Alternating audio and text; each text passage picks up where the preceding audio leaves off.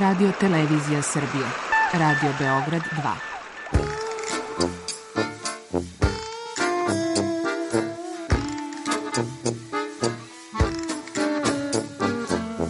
Rekli su mi, gospodine, vi ste promašili temu. Pa ja sam onda promašio život. I ne znam šta će da bude sam. Kaže, ja ne mogu više te čuvam. Šta da ti radi, kaže, snađi se kako znaš. Mi smo kao u kafesu. Za nas to je najmrtvo. To je mrtvo za nas, naročito. I ja bih želela neko da me usvoji. To bih želela. Govori da bih te video. Program dokumentarnog zvuka.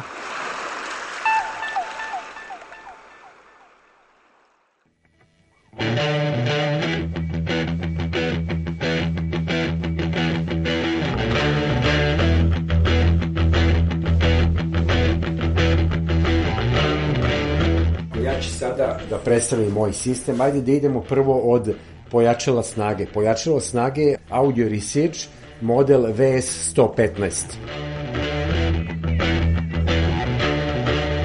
Predpojačivač je takođe Audio Research i fono predpojačilo je Audio Research model PH8.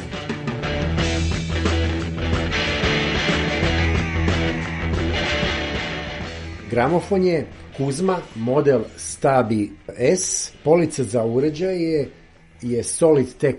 Kablovi su Acoustic Zen, a kablovi za zvučnike su ITER.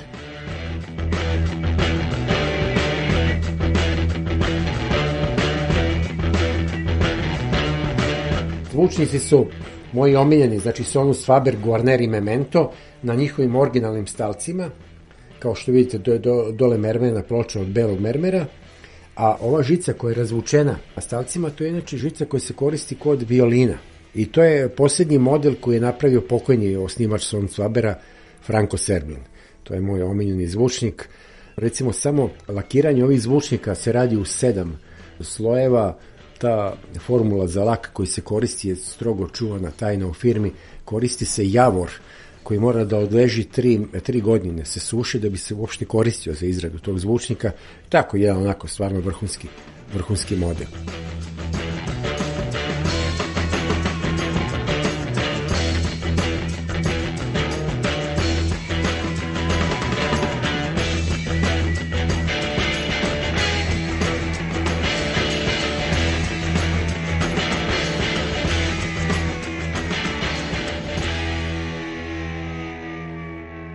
Moji počeci, odnosno dodiri sa, sa muzikom, datiraju još iz tinejdžerskih dana. Otprilike kraj osnovne škole i početak početak srednje škole, gde sam ja, e, zahvaljujući roditeljima, u stvari počeo malo intenzivnije da slušam muziku, iako muzika koja se tada slušala nije bilo ono što ću ja kasnije u svom životu slušati, ali značilo mi je tada. Roditelji su posjedovali to je bilo čudo tehnike u tom trenutku, suprafon, gramofon, mislim da je to bilo čehoslovačke proizvodnje. To je inače bio gramofon koji je imao svoj, izgledao je kao mali kofer, pa se to ovaj, otvori, on je u, u, u bočnim stranama su bili zvučnici, onda ja iskoristim kad oni nisu kući ili kad nisu zainteresni, pa uzmem te singlove, pa mi je bilo zadovoljstvo da izvadim tu ploču pa da stavim na gramofon, pa da to pustim i tako, eto, to su da kažem bili neki ono baš prapočeci mog interesovanja interesovanja za muziku. Tada me u stvari nisu toliko impresionirali uređaje koji su reprodukovali, jer nije ni bio neki izbor, mislim. E sada, krajem srednje škole, početkom studentskih dana, to sve dobija jedan ovaj, mnogo ozbiljniji karakter. E, I dalje sam ovaj, bio vezan više za muziku nego, nego za same uređaje koji su reprodukovali, ali sam e, otprilike odabrao neki moj put, da kažem, u tom slušanju muzike, zainteresovan sam bio isključivo za rock muziku. Odnosno, u to vreme ta žešća muzika se zvala hard rock, ono što danas zovemo heavy metal. I tada je bilo dosta teško nabavljati ploče. Znači, prvi ozbiljni počeci što se tiče nabavljanja ploče u Beogradu bila je takozvana čuvena berza ploča na uglu despota Stefana, koja se tad zvala 29. novembra i Čeli Čaplina pored bioskopa Drina, to je prva berza ploča u Beogradu i tu su dolazili ljudi iz cele Srbije tada, čak i van Srbije, zato što je tu bilo momaka koji su donosili ploče čak iz Amerike. Ja ne mogu sada da se setim tog čoveka, on je bio pilot i on je uvek dolazio sa dva ogromna kofera puni, punih ploča američke produkcije koje su bile daleko najkvalitetnije. Ta berza ploče je posle par godina prebačena u, legendarni SKC, znači tu je funkcionisalo sigurno 10-15 godina, ne mogu sad tačno da se setim kad neko dobije neku novu ploču koja, koju niko od nas nije imao, to je onda bilo veselje, naravno. S tim što nismo uzimali ploče jedni od drugih, nego ja kažem, ne, evo dođi kod mene, evo ti ključ, slušaj tri dana ako hoćeš, ali ne možeš da iznosiš ploču iz stada. Zašto? Zato što već kada smo kupili te uređaje, onda smo stekli neke kriterijume, znači te ploče E, svaka ploča kada se pušta da više gramofona gubi na kvaliteti. To je se malo neko pitanje same tehnike, zato što igla sama na svakom gramofonu nije isto kvaliteta.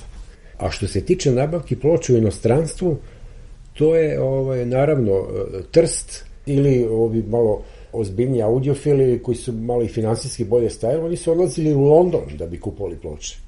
Tek kasnije su se pojavile e, varijante da se ploče naručuju poštom, znači iz celog sveta moglo se naručak plati po uzećima i da te ploče stignu. Međutim, to je bio čuveni problem naše bivše države, što se tu plaćale neke nenormalne dađbine. To je bila te carina, te porez na promet, te porez na luksuz. Te, ovaj, da, da, sam pomenuo luksuz, dobro se sećam da su recimo da je u, u tadašnjoj Jugoslaviji e, bio zakon o šundu, koji se odnosio i na muzičke materijale. Znači, bilo je dosta ploča koje su imale pečat na sebi da su šundi i onda su skop, koštali su skuplje zbog toga. Mislim da je prvi album Buldožera proglašen bio za šund. Ali zaista moralo se ići u, u Trst i čuveni radio rekordi, prodavnica koja se nalazi u centru Trsta.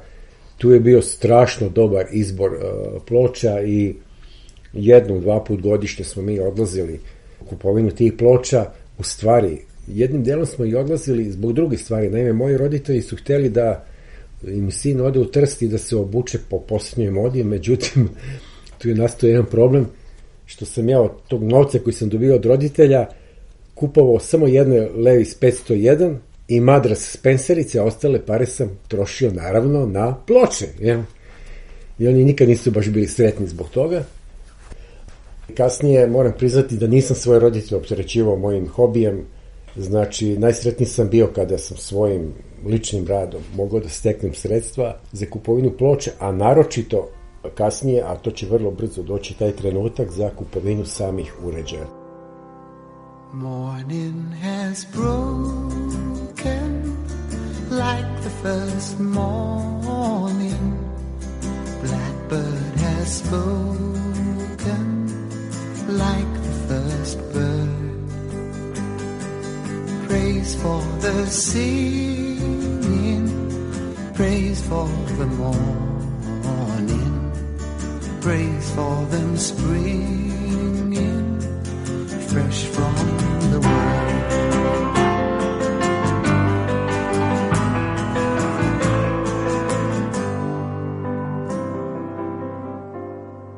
Imao sam brata jednog koji je bio audiofil, koji je poznavao Duška Dragovića to je alfa i omega bio početka hi-fi ozbiljnog u Srbiji, u Jugoslaviji, čak i šire. Jedan gospodin koji je stanovao u Jaše Prodanoviće, baš blizu Charlie Chaplina gde je bila ta prva berza ploča i e, to je čovjek bio ko, kod koga smo sticali prva znanja o audiju. Inače, on je bio jedan najveći ekspert u Jugoslaviji za klasičnu muziku. Imao je strahovito velik izbor ploča, ali je bio edukovan tehnički i on nas je u stvari ti odlasi kod njega su nas onako zagrejali, što se kaže, za tu tehniku, kad smo mi videli kako to se može da zvuči, to je za nas tad bilo potpuno nepoznato, taj nivo kvaliteta. I onda sam ja, to su bila sretna vremena, kad je čovjek mogao, student preko studentske zadruge da zaradi baš dobar novac, jer nisam hteo da opterećujem roditelje tim hobijem, zato što sam znao da to i u to vreme nije, nije bila jeftin, jeftin hobi.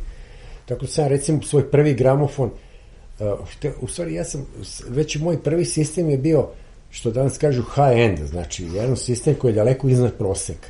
Ja sam svoj prvi gramofon zaradio za mesec dana rada. To su bile neki mukotrpni poslovi po studentske zadruge, recimo istovarivanje celog vagona cementa i tako dalje. Neki poslovi gde, gde je moglo da se zaradi gramofon koji u to vreme, kao sad pričamo o nekom proizvodu od 1000 eura. Ti si sad student kao i zaradiš kao sad 1000 eura da bi kupio gramofon. Mislim, to su bili snovi za mnogi. Ali mi smo to radili. To je stvarno moglo, ali su se birali, mi smo birali te, te najteže poslove da bi za kratko vreme ono, zaradili pari da je sad treba, sad imam gramofon, e sad treba da imam pojačalo, jel naravno. Pa kad se kupi pojačalo, onda treba da se kupe zvučnici. Pa onda treba da se kupi kaset dek ili magnetofon. Tako da je to, ovaj, ta, ta priča oko nabavke uređaja je du, dosta dugo trajala. Tradašnja situacija u Beorodu je bila dobra po pitanju toga. Znači, mogla se kupi vrlo kvalitetnih, čak su postojala predstavništva nekih čuvenih svetskih firmi, kao recimo Revox magnetofoni, Tanberg magnetofoni, Sansui, Marantz, Acoustic Resage, znači Torrens gramofoni, vrhunske firme, ali je problem bio što su ti proizvodi bili opterećeni nekakvim suludim dažbinama, tako da je to što ovde košta recimo da bude reper, recimo 1000 evra, to bi koštalo napolju 500 evra. I onda smo se mi to trudili da pokušamo da nabavimo iz inostranstva i da pokušamo da prevarimo znači, državu i carinu za te dažbine. Tako da jedna od zanimljivih priča kada se ja nabavljao pojačalo iz Engleske, to je bilo pojačalo lampaško, znači ne tranzistorko, sa, sa lampama. I onda se sećam kad sam bio pozvan na carinu da to preuzmem, carinik koji je to otvorio nije znao šta je to uopšte. Kaže, e, recimo pitam, izvinite, za se ovo još proizvodi? Ja rekao, ma da, to mi je drug kupio na bubljaku u Londonu, pa neki 50 funti mi je postao čisto kao ovaj, da imam kao uh, istorijski predmet u sobi da mi stoji, a pritom je taj uređaj koštao 1000 evra. Zvučnici su bili prijavljeni kao veš mašina, odnosno mi smo ovaj, tražili da budu smanjene fakture da bi platili što manje dažbine, da bi bila što manja carina i, i porezi. Kada mi je stigao prvi CD, on je pitao, je li ovo video rekorder? Znači, tad se tek pojavio CD u svetu i kad sad kako izlazi ona fioka, oni su mislili da se tu stavlja, ali to nije šala, to je zaista mene ozbiljno pitao šta vam je ovo, neki novi video rekorder. I tu smo, tu smo se najviše plašili toga. Znači, jedva čekaš da dođe i onda kad ideš na carinu ne znaš šta te čeka. Ovaj, ono, najslađe je bilo da se otpakuje, znaš. Jedna kutija, pa druga, pa onda oni, kako se zvali, oni od stiropora, kuglica onih stiropora unutra, pa onda jedna kesa, pa druga, pa, pa miriše na novo. To je, to šta ti kažem, to je, i sad sreća, kamo li onda? To je onda bilo, ploče isto kad stignu, ono, znaš, prvo gledaš onaj omot, pa mirišem onaj omot, pa te, te luksuzne ploče su bile ko knjiga, znaš, ti tu onako imaš kad je otvoriš, onda imaš nekoliko stranica, pa to čitaš, pa zadovoljstvo, stvarno zadovoljstvo.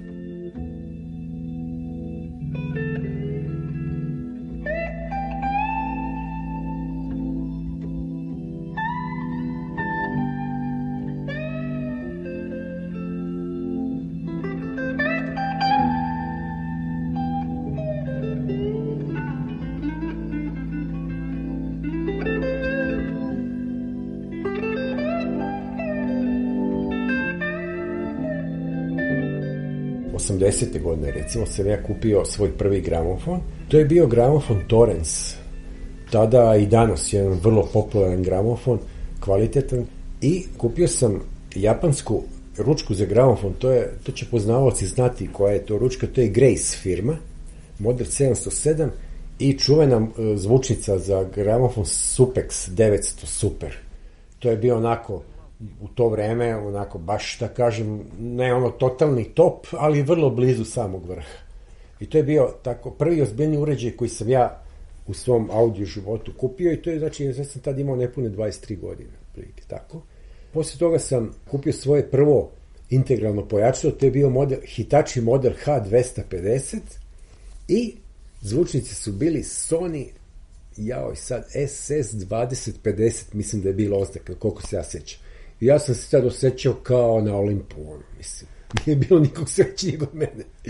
Da, eto, to su bili oni krajnji počeci. Onda sam došao do trenutka kada smo mi kući posjedovali, recimo, zvučnike Bower Wilkins 802, čuveni model, to je možda bio prvi par koji je ušao u Jugoslaviju čak, zato što sam ja čekao tri meseca da to stigne kod engleskog distributera u Britaniji da bih ja to poručio i onda nisam mogao da doživim To je nešto putovalo dva, tri meseca iz Engleske. Jedva sam dočekao da mi to stigne. To je već bio onako ozbiljan high-end. To je bio zvučnik nivoa sadašnjih par hiljada evra, recimo.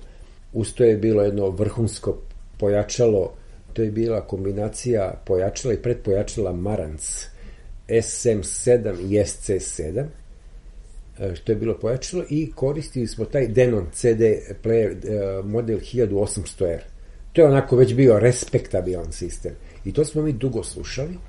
Imao sam dosta diskova, imam i sad, ostavio sam neke koje, iako nemam CD, ali jednostavno želim da ih imam kući. Međutim, ja ni, 90% e, ljudi je tada rasprodalo svoje kolekcije ploča.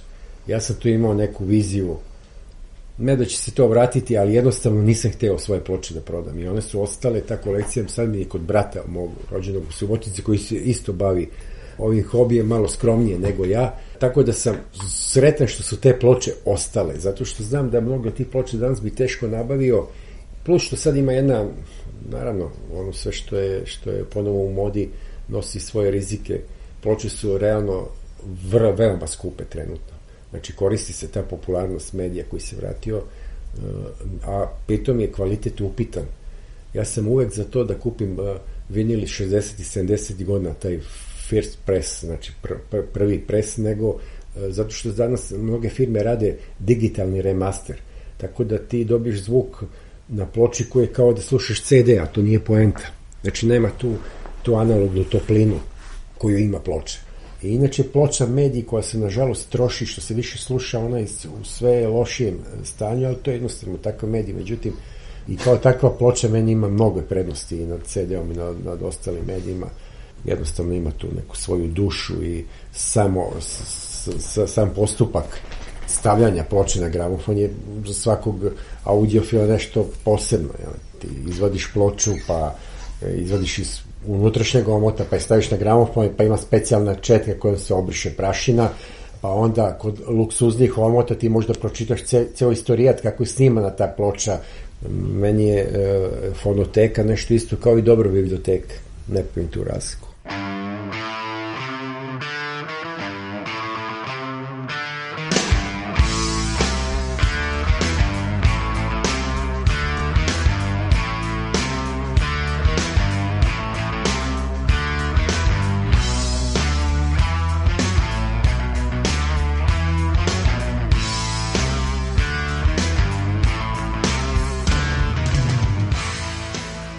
Što ja najviše cenim kod muzike, a to bi sigurno i ti osetila, kad, slu, kad sedeš ovdje i sad slušaš simfonijski orkestar, ti uh, osjećaš zvuk po dubini.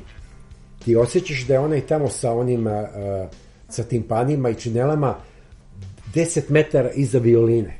E to je, to je najcenjenije kod tog vrhunskog zvuka. I širina zvuka. I kad možda lociraš pevača, tačno, znaš, ti zatvoriš oči i ti ga lociraš gde je on ispred tebe pevač, bubanj, kod recimo rock sastava, pevač, bubanj ili bas gitarist, ti možeš tačno da ih lociraš gde su. Kad imaš uređaj, obratiš pažnju, a nekad obratiš, kažeš, kažeš, jao, vidiš što je ovde bas duboko, znaš, to je taj neki izraz, znaš, kao bas gitara, vidi kako se to čuje, kao udara mi u, osetiš u stomaku, znaš. Ja se im dva sata ovde i ne pomeram se. Isto, ima i toga. Ima nekad kad, ne, kad jednostavno ne drži me mesto i onda tu nešto ustanem, a i, i I dalje ja to slušam. Ali tad, tad više sluša, uživam muzi, u muzici, ne toliko u kvalitetu zvuka. Ti kad sediš ovde i kad slušaš, onda dobijaš sve. I tu muziku koju voliš i dobiješ taj kvalitet koji ti uređi reproduku. Onda osjećaš i taj pro. Ti ne možeš da osjetiš iz kuhinje da onaj tamo svira u zadnjem redu. Tako, možeš budeš ovde u sredini da sediš, da osjetiš tu dubinu, to, taj prostor, širinu simfonijskog orkestra i tako dalje. Ima ljudi, ja to ne mogu, ima ljudi koji tačno mogu da lociraju violine. Ja, ja nemam takav sluh. Znači, tačno mogu da lociraju violine u simfonijskom orkestru. Pazi, i to je zaista moguće, ja verujem u to kod tih vrhunskih uređaja. I ono što je zaista referenca za kvalitet uređaja, to je klasična muzika. Znači, što je meni logično, ti ne možeš sad da po, jedan trio rock, da imaš bas gitaru, gitaru i bubanj, da porediš sa simfonijskim orkestrom. Znači, kad se ocenjuje kvalitet određeni komponenti, da li je to zvučnik, pojačalo, gramofon ili CD, uglavnom se koristi orkestralna muzika, znači i to simfonije, gde su najveći ti dinamički rasponi u muzici.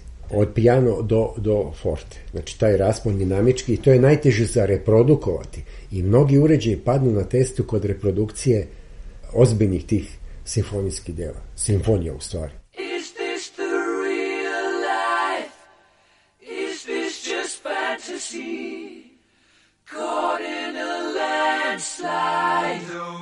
Escape from reality. Open your eyes, look up to the skies and see. I'm just a poor boy. I need no sympathy. Because I'm easy come, easy go.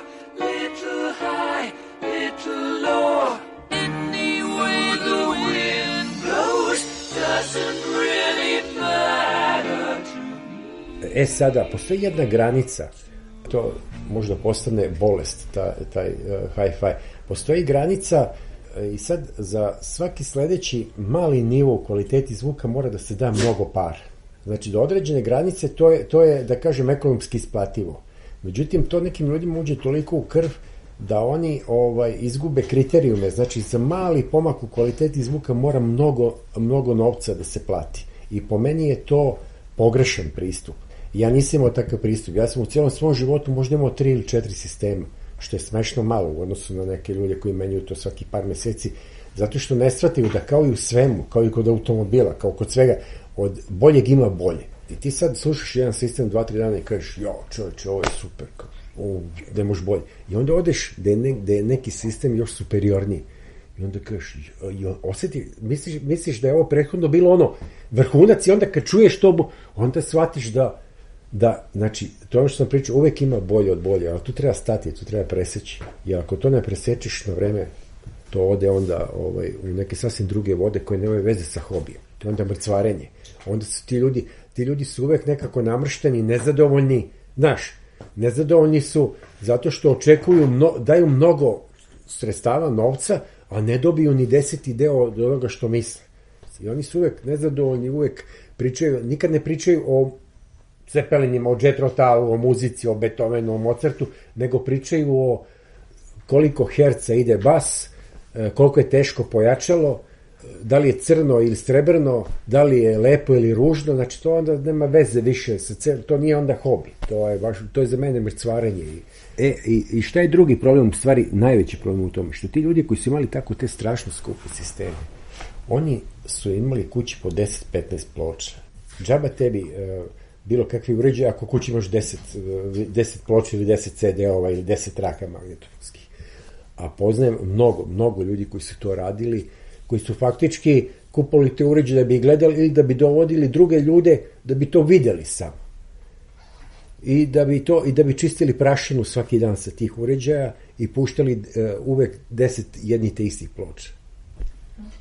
To je ta negativna strana cele te priče što ja zovem hi-fi bolest i mnogi su se u tome izgubili. Mnogi. I na kraju balade e, prođe im život e, gledajući u tehniku, a ne, ne radići ono što je stvari poenta svega, ne, ne, ne uživaju i ne slušaju tu muziku.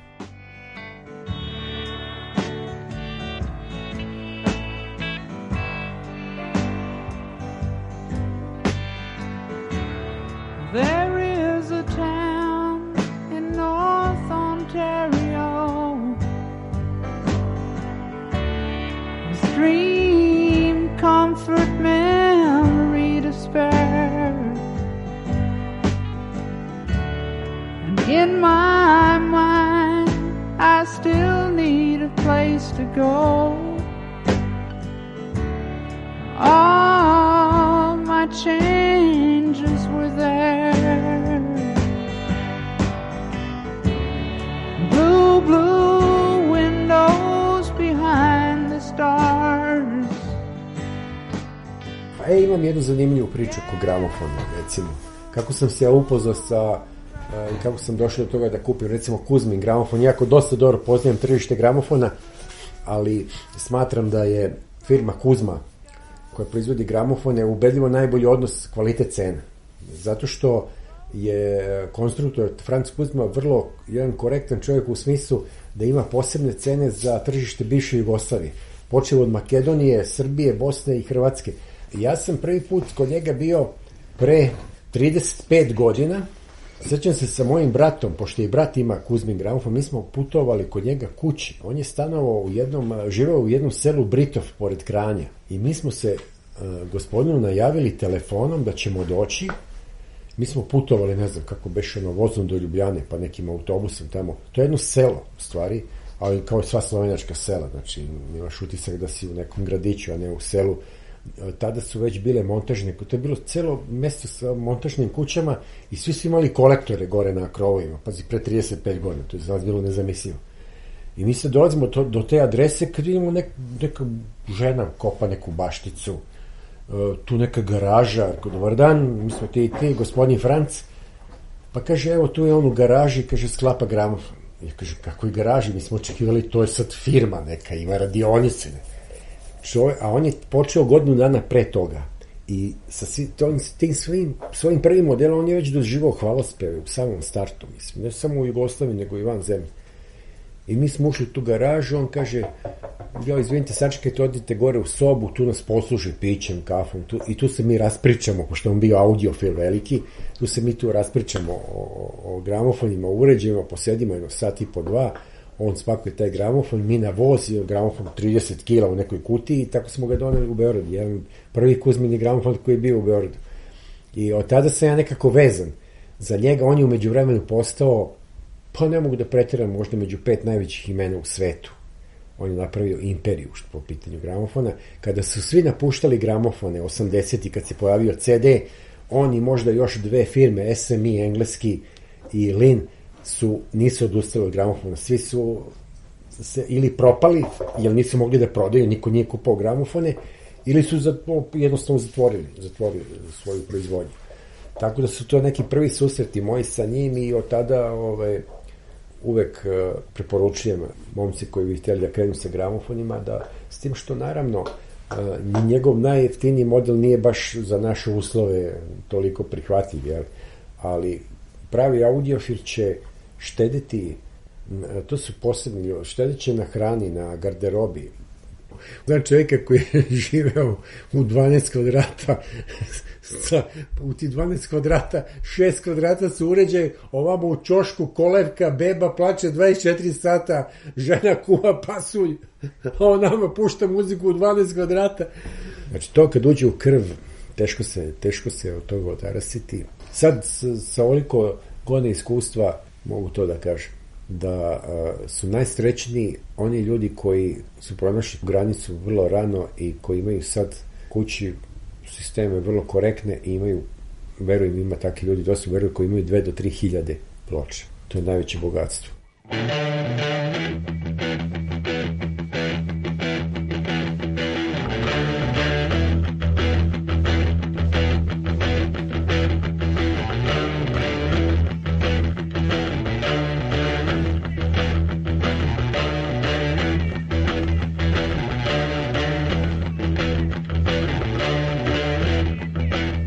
U reportaži govorio Dragutin Grbić, autor Milana Radić.